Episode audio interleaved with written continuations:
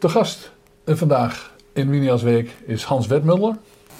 Uh, die heeft hier wel eens vaker in de studio gezeten. En dat was omdat uh, hij de biografie van professor Den Hollander had geschreven. Maar we gaan het vandaag over een heel ander onderwerp hebben te weten. Over de effectiviteit van de Nederlandse misdaadbestrijding. Uh, dat is een thema dat kort na de eeuwwisseling een tijd lang in de aandacht was. Dus Pim Fortuyn heeft daar nogal aandacht aan besteed. En vond ook dat de politie gebonden moest worden aan effectiviteit. Dus aan, ja. aan targets. Hè? De, ja. Hoe heet het ook alweer? Oploscijfers en zo? Ophelderingscijfers, oplossingspercentages. Ja. En die cijfers die waren, dat, dat leerden we toen eigenlijk voor het eerst. Ja, uh, vrij laag. Behoorlijk laag. Hè? Rond ja. de 20% van de Klopt. bekende, dus bij de, bij de, bij de politie Bij de geregistreerde, van alle geregistreerde uh, criminaliteit was de pakkans uh, rond 20% van ja. de zaken die van de plank werden afgehaald. Oké, okay, dus als ze er niks aan mee deden... Als dan... ze er niks mee deden, was het nog lager. Oké, okay, nou ja, met, ik vrees dat we nog meer van dat soort ja, tragische ja, cijfers ja, tegen gaan komen. Maar ik, een van de redenen waarom we het erover hebben... is omdat wij uh, ook voor Wiener als Week contact hadden over dezezelfde materie... En ik verbaas me er al jaren over dat waar dat toen speelde, het sindsdien eigenlijk nooit meer speelt. Uh, want het, dat zou je als bevolking van Nederland willen weten. Van, ja, uh, hoe effectief is onze misdaadbestrijding? Ja, ja. Uh, enfin, dus toen lag die laag. Hoe, la hoe, laag of hoog is die nu eigenlijk? nou, de laatste cijfers en die ik heb gezien, die waren van 2017, was het 28,3 procent. Dat is dus beter dan die Dat is beter dan die 20% uit 2002, laten we zo maar Ja. En in 2002 vond er een onderzoek plaats, een vergelijkend onderzoek uh, tussen Nederland en Noord-Rijn-Westfalen, onder de hoede van Peter Tak en Jan Fuselier. Ja. En die stelde vast, uh, op grond van een vergelijking met een even grote staat, met evenveel inwoners, met evenveel politiecapaciteit, want dat ja. is natuurlijk wel belangrijk. En die stelde vast dat de ophelderingscijfers in Noord-Rijn-Westfalen driemaal zo hoog waren, dus rond de 60 procent. Ja, en dat is uh, tamelijk schrikbarend. En dat was tamelijk schrikbarend en dat heeft natuurlijk geleid tot een uh, behoorlijk veel discussie. En, uh, en dan werd er steeds gezegd, ja, maar uh, je kunt dat niet zomaar vergelijken. En het rechtsapparaat in Duitsland zit anders in elkaar ja. dan in Nederland. In Nederland uh, kun je gemakkelijker seponeren dan in Duitsland. Nou, wat trouwens op zich ook reden is om misschien om dat te herzien. Maar, goed, ja, maar, nee. maar, je kunt ook zeggen, het waren allemaal een soort van uitvluchten. Uitvluchten, ja. Maar geen oplossingen. Nee, geen oplossingen. En uh, daaruit bleek ten eerste dat dat ophelderingspercentage driemaal zo laag bleek, maar indirect stelde men ook vast dat het justitieapparaat in Duitsland veel effectiever was dan ja. in Nederland. En ten derde stelde men vast dat de kwaliteit van de uh, misdaadbestrijders, met name dus de recherches, veel hoger was dan in Nederland. In Nederland was het een soort MBO-beroep. Uh, Terwijl in Duitsland uh, veel meer mensen met een HBO-niveau uh, rechercheur waren. Ja. Nou, was dat allemaal uh, best alarmerend. Dat, een deel van de samenleving was er gevoelig voor. Ik herinner dat Pim Fortuyn onder meer ook ja. zei in zijn, dat, dat politie, gebonden, politie en justitie gebonden zouden moeten worden aan oplossingscijfers. Hè? Ja, nou ja, op een gegeven moment kwam die discussie ook aan de orde dat inderdaad dat er vooraf door doelen werden vastgesteld. Jullie moeten Precies. zo Targets. Targets, precies.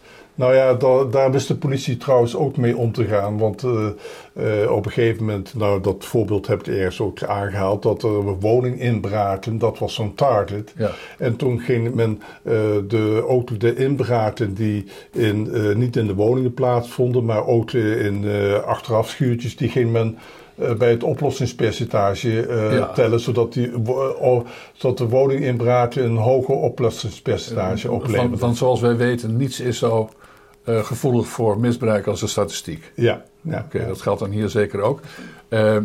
want wat, wat inmiddels ook gebleken is, is ja. dacht ik dat er een sterke terugloop juist is in, in, in de criminaliteit? In, in gem, nou, nou, dat betwijfel ik. Ja. Maar wel in gemelde. Gemelde criminaliteit. Ja, dus de, de, de dus, aangifte. Ja, maar er zijn dus bij, de, bij de politie en justitie zijn er nu, wat zei ik alweer, de, een derde minder ja. bekende misdaden dan 10, 20 jaar geleden? Nee, dan uh, in vergelijking met, met uh, 2017, dan moet ik eerlijk gezegd even spieken, ja. is er ja, tussen 2010 en 2017 uh, is vastgesteld dat de criminaliteit met een derde is gedaald.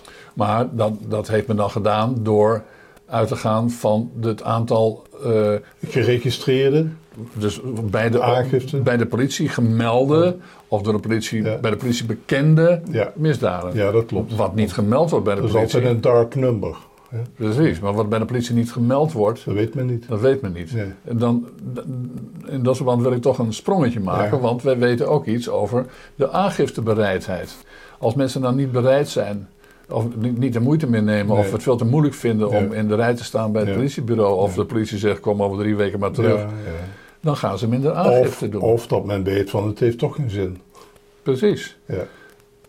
Maar dat leidt dus, hoe dan ook, dat ik mag vrezen dat, die, dat die afgenomen aangiftebereidheid bijgedragen heeft tot die lage, waarschijnlijk lagere... Lage effectiviteit, ja, absoluut. Ja. Nou, die, ja, de lagere aantal gemelde misdaden.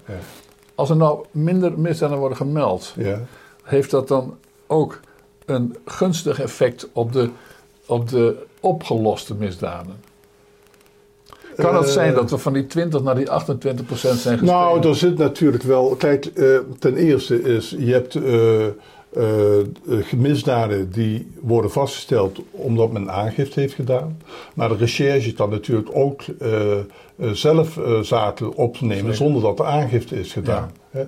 Dus men zou, je zou kunnen vermoeden dat, dat de, de de aangiftebereidheid van misdaden die uh, op een zeer laag niveau plaatsvinden, uh, uh, eerder niet worden aangemeld. Ja. Dus de, de, de ernstige misdaden die worden opgepakt. Maar dat, dat heeft ook te maken met het feit dat er van de twintig zaken die op de plank komen te liggen, dat zijn ernstige misdaden en daarvan wordt een vijfde opgepakt.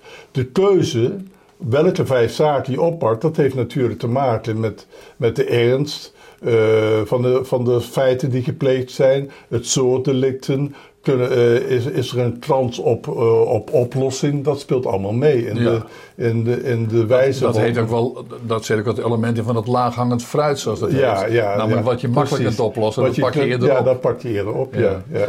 Nu heb je uh, in een serie voor Winia's Week ja. uh, ben je vrij systematisch nagegaan ja. hoe dat zit met de effectiviteit van de Nederlandse misdaadbestrijding. Zowel over de afgelopen decennia als ook in vergelijking met de buurlanden met name. En dat ziet er allemaal niet fijn uit. Dat ziet er niet goed uit. Nee. En we lopen even de, de, de, de belangrijkste punten van jouw observaties even langs. ten eerste, je stelt vast dat uh, de, de lage pakkans in Nederland, ja. Uh, want die is laag, ja. uh, in hoge mate te maken heeft, of in ieder geval zeer voor een deel te maken heeft met de matig functionerende recherche. Ja. En daar geef je een aantal verklaringen voor. er is weliswaar onderbezetting, maar er is ook te weinig opleiding, te, te, te, weinig IT-vaardigheden, bureaucratie, matige aansturing. Ja. Dat zijn allemaal. Dat, hoe is het in vredesnaam mogelijk dat dat voortdurend gebeurt? En dat, er, dat we horen daar weinig over? Ja, uh, het, dat heeft met de politiecultuur te maken. De, de, in het algemeen kun je zeggen dat de politiecultuur naar binnen gericht is. Dus problemen uh, mankementen uit uh, het feit dat, dat er een laag ophelderingspercentage is, dat komt niet zo gauw naar buiten. Nee, dat is niet fijn om. Uh, dat is niet fijn. Nee. En daar, er is een onderzoek gepleegd in 2015, nog niet zo lang geleden, door Michiel Prinsen. En die heeft tien jaar lang bij de recherche en politie is die werkzaam geweest hier in Amsterdam.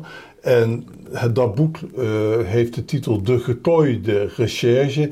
En in dat boek was eigenlijk, zag je gewoon En hij gaf dat ook heel duidelijk aan met heel veel voorbeelden dat de recherche zeer matig presteert. Ja. En, en, en de leidinggevende van de recherches die geven altijd als uh, antwoord: ja, dat komt omdat we te weinig capaciteit hebben. Hè?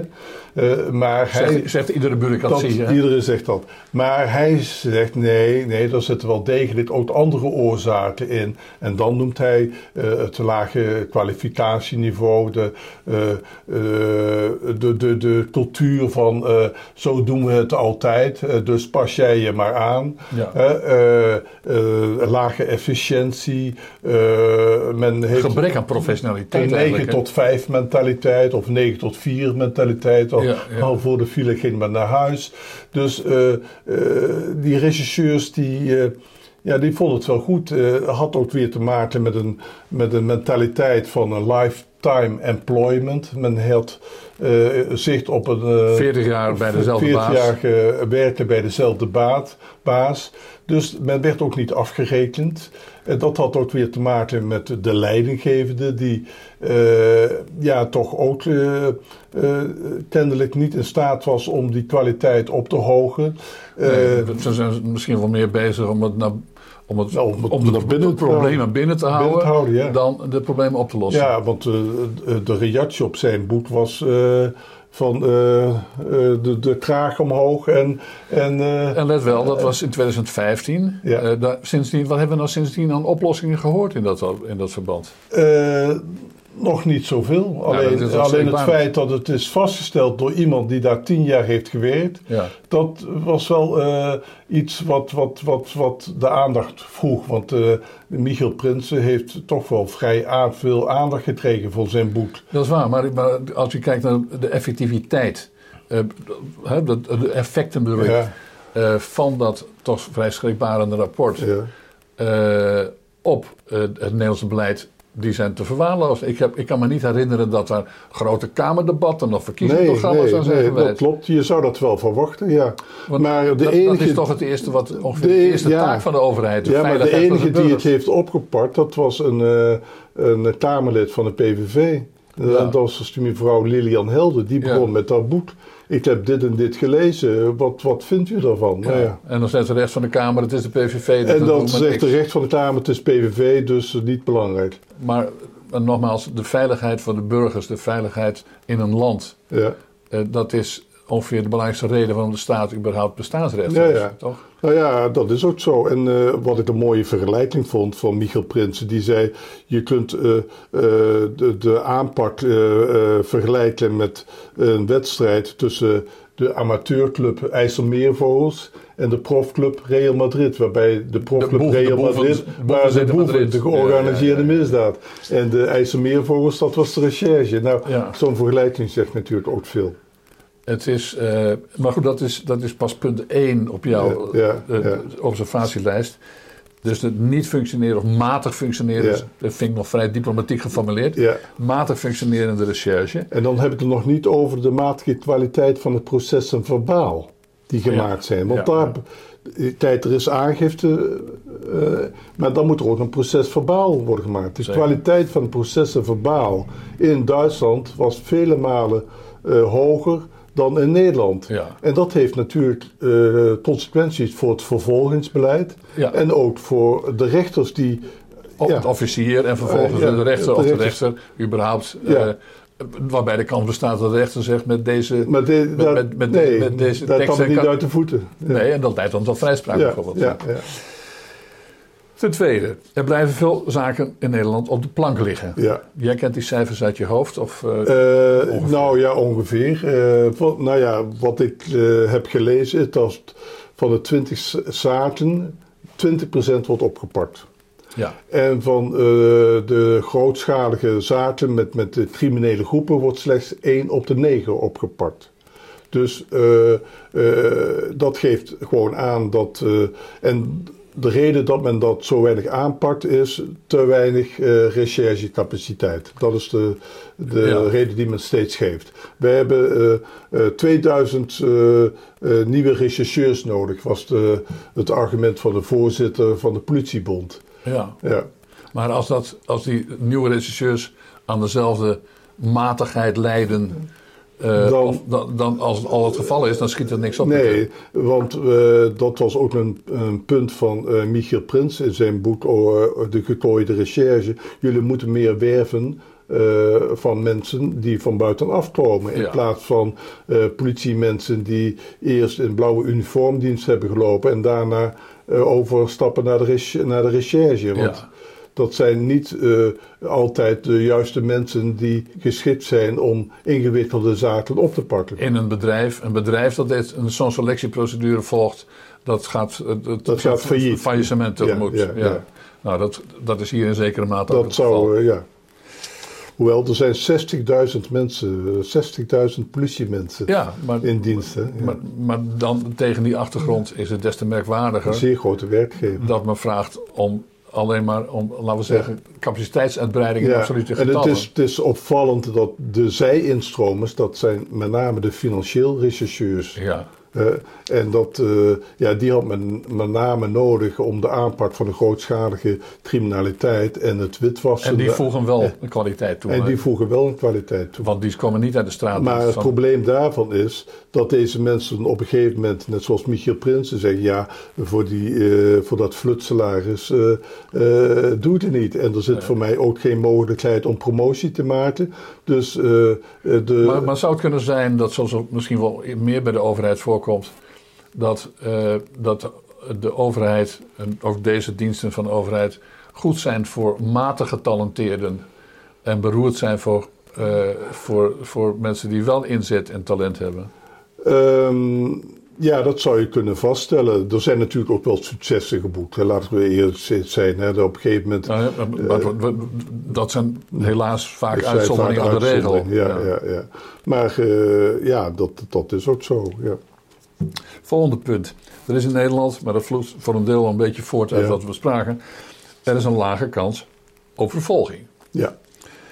Uh, en dat komt omdat er, uh, er wordt veel geseponeerd. Ja. Het, dus het is de, de, eigen bevoegdheid van de officier van justitie om iets niet tot een zaak voor de rechtbank te maken. Ja, en de politie kan trouwens ook al seponeren. Precies, dan dus, de officier van justitie kan seponeren. Er zijn, allemaal, er zijn allemaal, laten we zeggen, zijpaden ja. die, die leiden naar iets anders dan, uh, ja. dan, dan van de rechter komen. Ja, ja, ja, ja, Wat ik me herinner van datzelfde onderzoek van 2002 dat de Nederlandse CPO-praktijk, bij, met name bij het Openbaar Ministerie, ook vrij uniek is. Hè? Ja, ja in, uh, in, in, Duitsland is het zo dat je bij elke seponering moet daar uh, een beslissing van de rechter ten grondslag liggen. Zo is het. Ja, en, en hier in Nederland doet, het, Nederland doet het OM dat nee, gewoon in ja, eigen huis. Ja, ja, ja, dat klopt. Ja.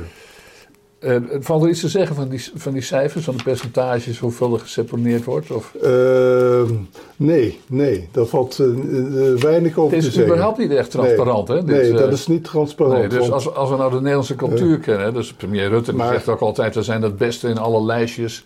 En dan gaat het over onze concurrentiekracht of zo.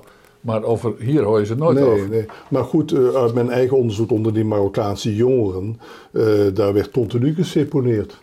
He, ja. Want een, een, eerste contact met politie, nou dat levert een waarschuwing op. Ja. Een tweede contact is een tweede waarschuwing. Een derde contact is een berisping. En zo gaan maar door. Ja. Dus, dus er werd heel veel geseponeerd. Maar tegen die achtergrond is helemaal niet verbazingwekkend dat, de, dat de gevangeniscapaciteit in Nederland gereduceerd is. Ja, ja, ja dat zou je dat kunnen zeggen. Ja, ja, Want als er zoveel, niet, als er zo'n lage maar... pakkans is, als er zoveel op de bank blijft liggen, als er zoveel geseponeerd wordt, dan is het helemaal niet vreemd. Dat ja, maar de Nederlandse rechters helemaal niet uit op gevangenisstraffen. Men, men, men wil liever eigenlijk iets uh, afdoen met een boete. Ja. Of een schikking. Dan, dan, dan, dan, dan, dan gaan we er meteen maar op over, denk ik. Ja. Want uh, de, de praktijk van de rechters. Dan, dan, gaan we dus, dan zijn we al zover dat dingen niet geseponeerd zijn. Ja. Dat ze wel gepakt zijn, ja. enzovoort, enzovoort. Uiteindelijk belandt die enkeling dan bij de rechter. Ja. En wat doet die rechter? Dat is een rapport uit 2016 ja. wat je aanhaalt. Ja. Uh, als ik het kort samenvat, dan zou ik het rechterlijke sabotage willen noemen. Of vind je dat te ver gaan? Ja, dat vind ik wel te ver gaan. Maar uh, uh, ja, het, nou laat ik het zo stellen. Het heeft mij ook verbaasd. Want toen ik dit las, dacht ik: oh, dit had ik zelf niet verwacht. Dat rechters, want wat doen ze? Men vindt het gedoogbeleid niet consequent, inconsequent. En men uh, gaat over tot een, een, andere afdoening dan een straf door bijvoorbeeld te schikken of uh, alleen maar het, uh, het geld wat verdiend is met misdaad moeten de criminelen afstaan. En als ja. dat gebeurt, dan, dan, dan, kunnen ze weer vrij rondlopen. En, en dat heeft mij wel verbaasd. En het gevolg daarvan is dat die opsporingsambtenaren, wetende dat rechters dit soort zaken uh, op deze manier afdoen, die zijn al tevreden met het ontmantelen van een hennepplantage. Ja, of beginnen er niet eens aan, of, want als je rechter ja. toch maar een, een, straf van niks ja, oplegt. Ja. Maar, maar, kijk, iedere televisiekijker, oplettende televisiekijker, heeft door de, afloop, door de jaren heen, de laatste twintig jaar of daaromtrent, ja. Uh, uitlatingen kunnen zien van rechters, ook mensen tot in de, hoogste, in de Hoge Raad, of president van de Hoge Raad. Mm dat uit de rechterlijke macht zijn, zijn, zijn dom, het, eh, vooraanstaande figuren uh, treden voortdurend naar buiten met particuliere opvattingen zou je kunnen zeggen over de wenselijkheid van drugsbeleid van deze aard. Het gaat iets verder, denk ik, dan wat je zegt, de, de, het, het, inconsistente gedoogbeleid. Er bestaat eigenlijk een neiging om te zeggen ja, dat uh, de war on drugs is eigenlijk uh, kost ons alleen maar veel tijd en het is achterhaald. En, nou ja, men zegt ook ja, 60 tot 70 procent van alle delicten zijn drugsgerelateerd. Ja. Uh, dus uh, dat geeft een, een enorme overcapaciteit ja. aan de rechterlijke macht. Dus, en bovendien, softdrugs, dat wordt gedoogd. Dus laten we dat maar niet zo streng aanpakken. Ja, maar, nou, maar, maar, wat je daarover hoort, die uitladingen, die, die lijken toch een soort wolk van particuliere opvattingen te zijn die in de rechterlijke macht uh, in feite een oppositie tegen, uh, nou ja, tegen de internationale verdragen over de drugsbestrijding eh, te, te, ja, te, regenderen. Toch? Nou ja, goed, dat, dat is ook zo. En, en het is dan ook opvallend dat de minister-president wel zegt dat uh, alle georganiseerde criminaliteit en alle drugscriminaliteit tot, tot aan de, de, degene die uh, handelt in, in, in, soft- en harddrugs moet worden opgepakt. Maar in de praktijk. Is dat een lege huls? Is een lege huls. Ja. Volledig lege huls. en daarmee, dus een, een ja een collectieve leugen, kun je het haast van noemen. Dat zou je kunnen zeggen. Ja. Uh, maar ik wil dan toch nog even doorzeuren over dat gedrag van de rechters. Want de rechters die zijn wel hebben natuurlijk een zekere handelingsvrijheid. Maar als ze min of meer systematisch uh, uh, in, hun, in, hun, in hun vonnissen ja. afwijken van de intentie van onze eigen wetgeving en zeker van de internationale verdragen die we hebben op dit punt, dan is dat toch subordinatie. Ja, maar zo zien ze het zelf. Subordinatie. Zo zien ze dat zelf niet. Nee, nee. Want ze zeggen, we, we leggen wel degelijk, uh, uh, we gaan het geld ontnemen. En men, men, men, men, men treft schikkingen, dus dat kan ja. leiden tot boetes. Dus wij vinden dat er wel degelijk uh, een, een, een reactie volgt op, op dit soort overtredingen. Ja, dat zullen ze soms ja, zeggen. Maar wat feitelijk, zeker feitelijk het geval is, is dat er hier lager gestraft wordt. Absoluut. En daarvoor zijn, gok ik, twee redenen voor. Namelijk A, dat de, de, de, de wettelijke strafmaat en, de, en, de, en, de, en de, de, de richtlijnen van het OM en de mm. rechterlijke macht uh, een rol spelen. Maar ook het klimaat waar we net over hadden, namelijk de neiging eh, bij rechters om, en dat, te duiken. en dat is een belangrijk, niet alleen individuele rechters, maar ook rechtbanken en de gerechtshoven. Ja. Is dit een soort uh, ja, impliciet beleid? Ja. ja. Daar is, daar is een, moeten wij denken, kunnen we, ik vermoed dat we kunnen vaststellen dat daar al dan niet impliciet een cultuur is ontstaan ja, die daar als, uh, als eigen standaard is gaan functioneren. Maar goed, dat is ook de reden dat. Want dat was mijn, mijn. Op een gegeven moment vroeg ik mij af. Hoe is het mogelijk dat van de 400. In 2005 was dat geloof ik.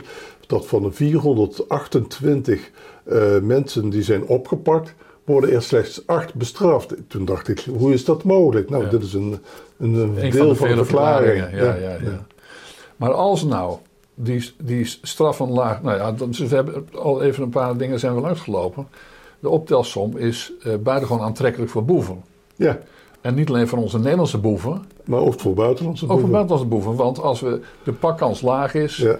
Uh, mild strafklimaat. mild strafklimaat. vervolging, geen kans op vervolging. De gevangenissen zijn ook een stuk comfortabeler. Gevangenissen zijn comfortabeler. Ja. Dan is toch een neveneffect van al deze wegkijkerij en, en, en, en, en, zo. dat, dat je daarmee misdaad aantrekt. Ja, dat klopt ook. in Nederland zijn bijvoorbeeld Zuid-Amerikanen actief. Albanese zijn actief. Ja. En uh, ja, de, ook, er, is, er is een complete, uh, hoe heet het, crystal meth en zo industrie ja, aan het ontstaan. Dat, die, door, die door Zuid-Amerikanen hier wordt ja, gerund. Hè? Ja, en dat kun je beter in Nederland doen dan in andere landen. Want als, daar, als je daar wordt gepakt, ja, dan, dan hang je, laat ik het zo maar stellen. Precies. En omdat je daar hangt en hier niet, hebben, je beter dat hebben wij die ondergrondse containers en die, die, die, boerderijen die vol zitten met Mexicanen en wat er meer zijn, toch? Dus we hebben niet alleen een ineffectief, uh, een ineffectief, uh, ineffectieve misdaadbestrijding. Ja. Maar door die ineffectiviteit trekken we ook nog extra misdaad aan. Ja. Dat hier in Nederland plaatsvindt, ja. ja. Maar uh, Nederland is ook, ja, elders in, in een artikel wordt in Nederland de, de, de grootste, belangrijkste drugsrotonde ter wereld genoemd. Mm Nederland is niet alleen een producent van softdrugs, mm nederwiet met een zeer hoog uh, THC-gehalte. Nederland is ook uh, de hoogste producent van pillen, de ecstasy-pillen. En Nederland is een doorvoerland van cocaïne. Dus ja, en dan is Nederland natuurlijk belangrijk omdat het een belangrijke havens heeft. dat wordt er vaak bijgezet als een soort excuus. Hè? Van ja, dat komt omdat dit dat is een neveneffect van onze havens. Maar dit is een neveneffect van onze... Ook beleid. laxistische beleid, kun je zeggen. Uh, en uh, nou ja, dan hebben we. Een van de dingen die je noemt is dat het onderzoek van, van Dato Steenhuizen, van, oh, ja. van namelijk van voormalige procureur-generaal is dat, hè? Uh, blijkt dat Nederlandse rechter slechts 10, hooguit 16% van de maximale strafmaat van een delict benut. Dat is een bevestiging een beetje van wat we al eerder bespraken. Maar dat is een optelsom, dat, dat beetje statistiek wat we bij elkaar uh, ja. toch nog bij elkaar hebben uh, kunnen zeggen. Uh, statistiek waar niet veel rugbaarheid aan wordt gegeven als die al wordt gepleegd. Dit is toch werkelijk. ja, ik zou het, Ja, dat is het, ja. Hij ja, pleit dan ook ga voor. Maar na, maar ga maar na als er voor een strafmaat voor georganiseerde handel in in uh, harddrugs is de maximale strafmaat 6 jaar. En als daar maar 10% van wordt benut van die straf, maximale strafmaat, blijft er maar heel weinig over. Maar goed, dus, de, de optelsom van dit verhaal luidt dat, we, uh, dat de pakkans laag is, dat de CPO-kans groot is. Uh, dat, je, dat de dingen gewoon op de plank blijven liggen. Dat als je eindelijk toch een keer veroordeeld wordt, dat je een lage straf krijgt. Dat je in een relatief prettige gevangenis belandt. Uh, kortom, dit is een, een paradijs voor boeven, als ik het zo... Behalve. Ja. ja, ja. Uh, en waarom is dit geen, niet een, het, het, politiek thema in Nederland nummer één? Dat zou toch niet, helemaal niet vreemd zijn? Ja, maar dan moet je niet aan mij vragen. Nee, nee, maar misschien heb je bij je onderzoekingen uh, ja, idee. Nou ja, goed, ik ben op een gegeven moment uh, in mijn, mijn, laatste bijdrage ben ik gaan kijken... wat is de, de reactie van de Tweede Kamer...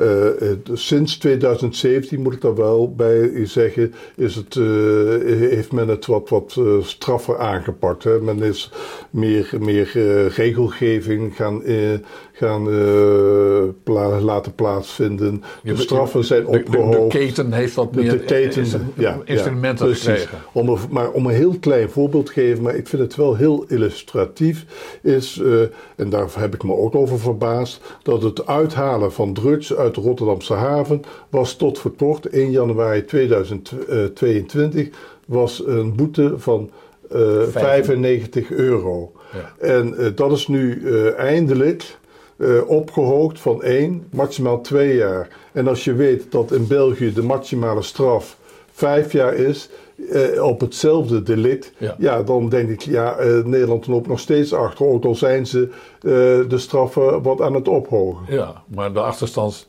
achterstand in dit opzicht Nou ja, ik hoef het niet eens achterstand te noemen. Je weet gewoon, ook al zouden wij als Nederland vinden dat drugs allemaal geen kwaad kan of weet ik veel wat. Maar als je de naïviteit hebt dat je dan hier een soort walhalla of paradijs organiseert voor boeven.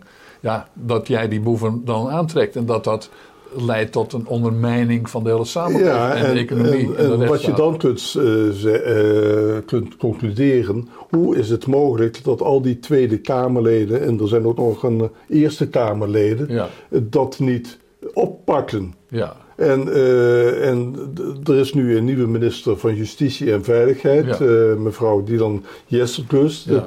En, uh, en die wordt dan ondervraagd en dan wordt schriftelijk wordt dat allemaal vastgelegd. In de ja, in de Kamer wordt ze ondervraagd, maar er vindt ook nog een schriftelijke van ronde plaats van alle vragen. En dan blijkt gewoon dat men steeds heeft over preventie. er moeten namelijk minder jonge misdadigers doorgroeien naar Ja. de zware criminaliteit. Daar heeft men het continu over. En dan, Maar, eh, maar dat is een soort welzijnswerkersbenadering voor. Dat is een softe benadering voor Ja. harde, harde misdaad. ja, Toch? maar dat, dit, dit, dit, eh, deze commentaren, dat vind je niet alleen bij de VVD, ook wel bij de VVD, maar ook bij D66, eh, SP, GroenLinks, noem maar op. Dus eh, dat heeft mij ook zeer verbaasd. Je bedoelt dat al die partijen die je net Ja. noemt, Ja. die, die zijn voortdurend bezig met, met, Met preventie. met preventie. Ja. Maar laten we wel zijn, als wij de, eh, een van de grootste drugsmafia's van de wereld in Nederland hebben, dan hoef je toch niet af te vragen waarom die aan personeel komen. Dat komt niet omdat mensen in, in sommige wijken eh, van Amsterdam En, verder niks te nee, doen En hebben. Nee. bovendien, eh, eh, het is lang niet zo dat die, al die drugscriminelen, eh, dat die eh, heel, heel klein zijn begonnen. Er zijn heel veel drugscriminelen die, die op een gegeven moment een overstap maken, omdat ze eh, van een normale baan naar een baan in de, in, in de criminaliteit, omdat het veel winstgevender is. En bovendien, in andere landen loop je nog serieuze risico's om levenslang in de bak te belanden. Ja, Maar die kans is hier buitengewoon is klein. zeer, zeer klein. Ja. Ja. Eh, eh, ik denk eerlijk gezegd, maar dat is maar een beetje een gok, dat we, eh, dat we eigenlijk eens moeten beginnen om te, te verlangen dat die cijfers die jij nu ook weer bij elkaar Ja. hebt gehaald, maar die voor een deel natuurlijk al wat ouder zijn, dat die cijfers gewoon permanent moeten worden. Dat die targets, wat Pim Fortuyn het over had, misschien niet zaligmakend zijn, maar wel bij zouden dragen tot. Ja, tot ja maar eh, als je weet dat bijvoorbeeld dat onderzoek wat ik zojuist heb genoemd eh, met de vergelijking van Nederland en Noord-Rijn-Westfalen, dat was geen initiatief van de overheid. Ook dat was geen WODC-onderzoek. Nee. Dat was het initiatief van eh, een rechtsgeleerde ja, in, eh, aan de Universiteit van Nijmegen. Ja. En die de mogelijkheid zag om een vergelijking te maken. Dus Maar het eerste wat, wat je eigenlijk, dus in dat, als, we, als deze redenering zou kloppen, is het eerste wat de Tweede Kamers van het kabinet zou moeten eisen, Ja. is dat ze ieder jaar of desnoods om de twee jaar Ja. een rapport uitbrengen over de effectiviteit van de Nederlandse misdaadbestrijding. dat, dat zou je verwachten. Of dat zou je hopen. Nou, dan gaan we over, over een jaar testen of dat, eh, of dat gebeurt. Ik denk niet. Ik denk van niet. Ik denk van niet. Nee. Nee, wat ik tot nu toe, dat heeft me zeer teleurgesteld. Wat men nu te berde brengt, denk ik, ja, dat is, eh, dat is niet effectief. Da- daarmee eh, gaat die effectiviteit van de misdaadbestrijding niet omhoog. Maar nogmaals, als, als de opdracht van de staat in de eerste plaats is om de veiligheid van zijn burgers en, en de integriteit van de samenleving, eh, zeg maar, eh, te, te bewaken, dan is dit een fail, zoals dat in Ja. platte termen heet. Maar eh, de huidige minister van Justitie en Veiligheid, die eh, heeft zich laten be- eh, ook eh, beïnvloeden door het pact van de rechtsstaat. eh, en dat is een, een, enorm rapport eigenlijk. En daarin zegt zij, er zijn drie pijlers. Preventie, repressie en, en een derde, we, de, eh, we het, eh, crimineel vermogen aan. Ja. Nou ja, daarvan zal iedereen zeggen, prima. ja. Maar als je alleen eh, de aandacht geeft aan preventie en repressie erbij laat hangen. En die effectiviteit van het vermogen is heel moeilijk. En dat is ook niet heel effectief. Nou ja, dan, dan zijn de resultaten niet dermate hoog. Maar dan zegt men er ook bij: ja, maar je moet op lange termijn tijden. Dit is niet iets van één of twee jaar. Nee, dat duurt wel tien jaar. Nou, ik, ik zou daarbij willen zeggen, dit is in tientallen jaren ontstaan. En, ik heb, uh, en dat ik, krijg je niet zomaar teruggedraaid ook. Nee, en zeker niet als je niet, van, niet harde cijfers hebt. Ja. En uh, nou goed, uh, dat heet, wat doorgaans zegt men dan, we blijven het volgen. Maar dat vind ik eigenlijk te zwak uitgedrukt. Mag je hartelijk danken. graag gedaan.